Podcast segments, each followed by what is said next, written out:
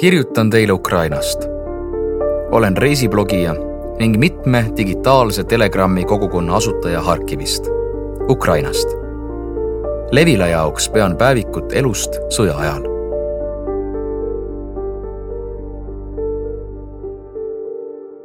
hullem kui põrgu, Mariupol. arvasin, et põrgu on üle elatud. kuid see ainult tundus nii mõni päev tagasi pääses mu sõbratar Mariupolist välja. paistab, et Püha Maarja linn saab putinliku Venemaa ja kogu tema rašistliku režiimi kirstunaelaks. mäletan lapsest peale sõja läbi teinud vanaisa ja teiste sugulaste jutte, et kõikidest õudustest oli kõige kohutavam Leningradi blokaad. rašistid kordavad kõike natsiarmee tegevusjuhise järgi, piiravad linna sisse ja korraldavad humanitaarkatastroofi. Mariupolisse pole jäänud ühtegi tervet hoonet. paljud majad on maatasa põlenud. see, mida nimetatakse Vene armeeks, on toime pannud genotsiidi. genotsiidi ukrainlaste vastu. genotsiidi linnas, mida nad tulid justkui päästma enda välja mõeldud natsismi käest ma ei julgenud Nastjale kirjutada, sest nägin teda võrgus viimati siis, kui linn piiramisrõngasse võeti. ma ei julgenud talle kirjutada, näha vaikust ja hiljem teada saada, et ta on tapetud või nälga surnud.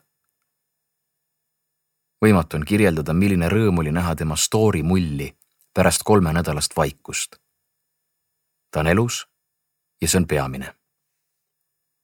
kui on võimalik põrgut ette kujutada, siis see oli Harkivis aga Mariupolis oli hullem kui põrgu. sõja tingimustes on selline lugu, et sa ei tea, millal sul linna sisse piiratakse. paar päeva enne, kui rõngas Mariupoli ümber sulgus, saatis Nastja humanitaarabi Donbassi linnadesse. tollal ta veel ei teadnud, et tema linn võetakse rõngasse, et seal puhkeb humanitaarkriis ja et paari päevaga tehakse üheksakümmend protsenti linnast maatasa. ausalt, mitte keegi sõja ajal ei tea et tema linn võetakse rõngasse. miks? sest kõik loodavad parimat. no ja muidugi, kui linn on sisse piiratud, siis sõjareeglite kohaselt peaksid sinna jääma ainult sõjaväelased. see on muidugi lüürika ja teooria. Vene armeel pole reeglite järgi sõdimiseks au ega väärikust. seepärast tapavad nad tsiviilelanikke. just selle tõttu on evakuatsioon Mariupolist nii vaevaline Mariupoli kaitsjad ei saa maha jätta venelaste tapetud tsiviilelanikke, oma tapetud ja haavatud relvavendi. autu Vene armee kasutab seda mõistagi ära. naistega puudus kontakt kakskümmend päeva.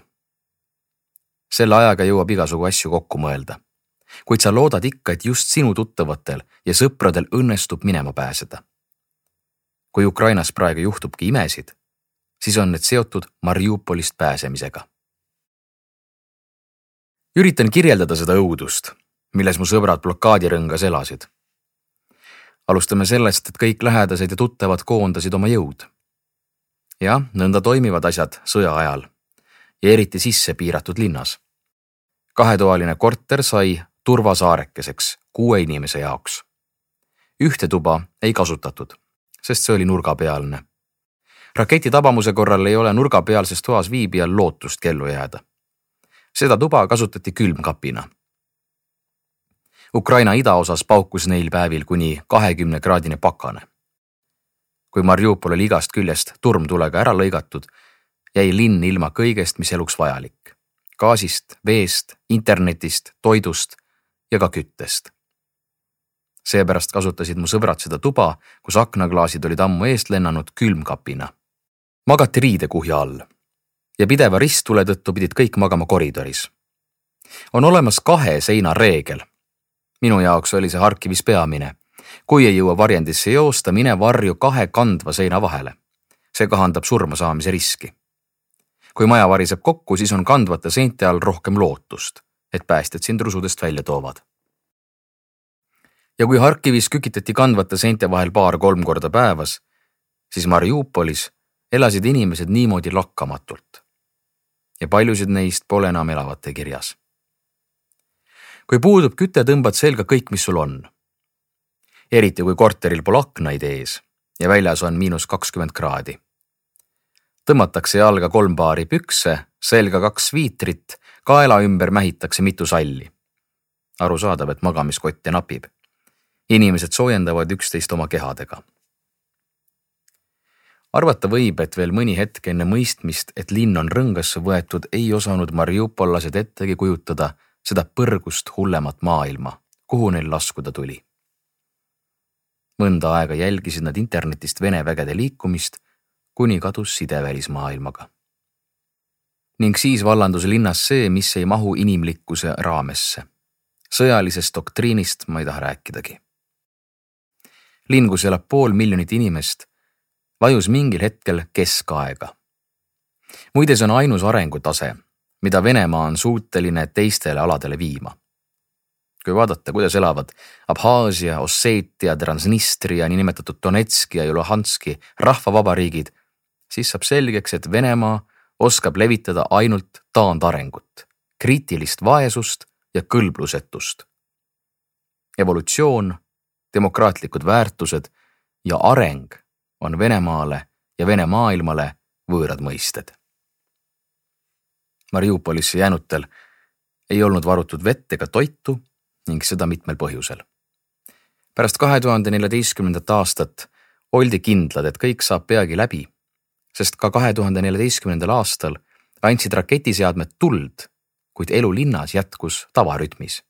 inimesed käisid tööl, lapsed koolis ja üliõpilased loengutes paljud arvasid, et üle nädala sõda küll ei kesta. mistõttu mingit paanikat polnud, elanikud olid suhteliselt muretud. ent paraku sai Mariupolist Vene-Ukraina sõja suurim tragöödia. haav, mis ei kasva kunagi kinni.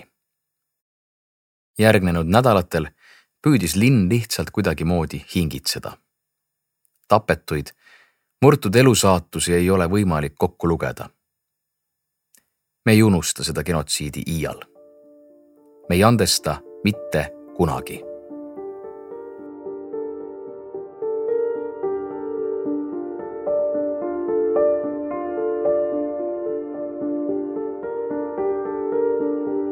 autor Taras Kovaltšuk, tõlkija Veronika Einberg, toimetaja Iisa Laan, audiolugu loeb Karmo Nigula salvestus, helikujundus, originaalmuusika Konstantin Sõbulevski. Levila kaks tuhat kakskümmend kaks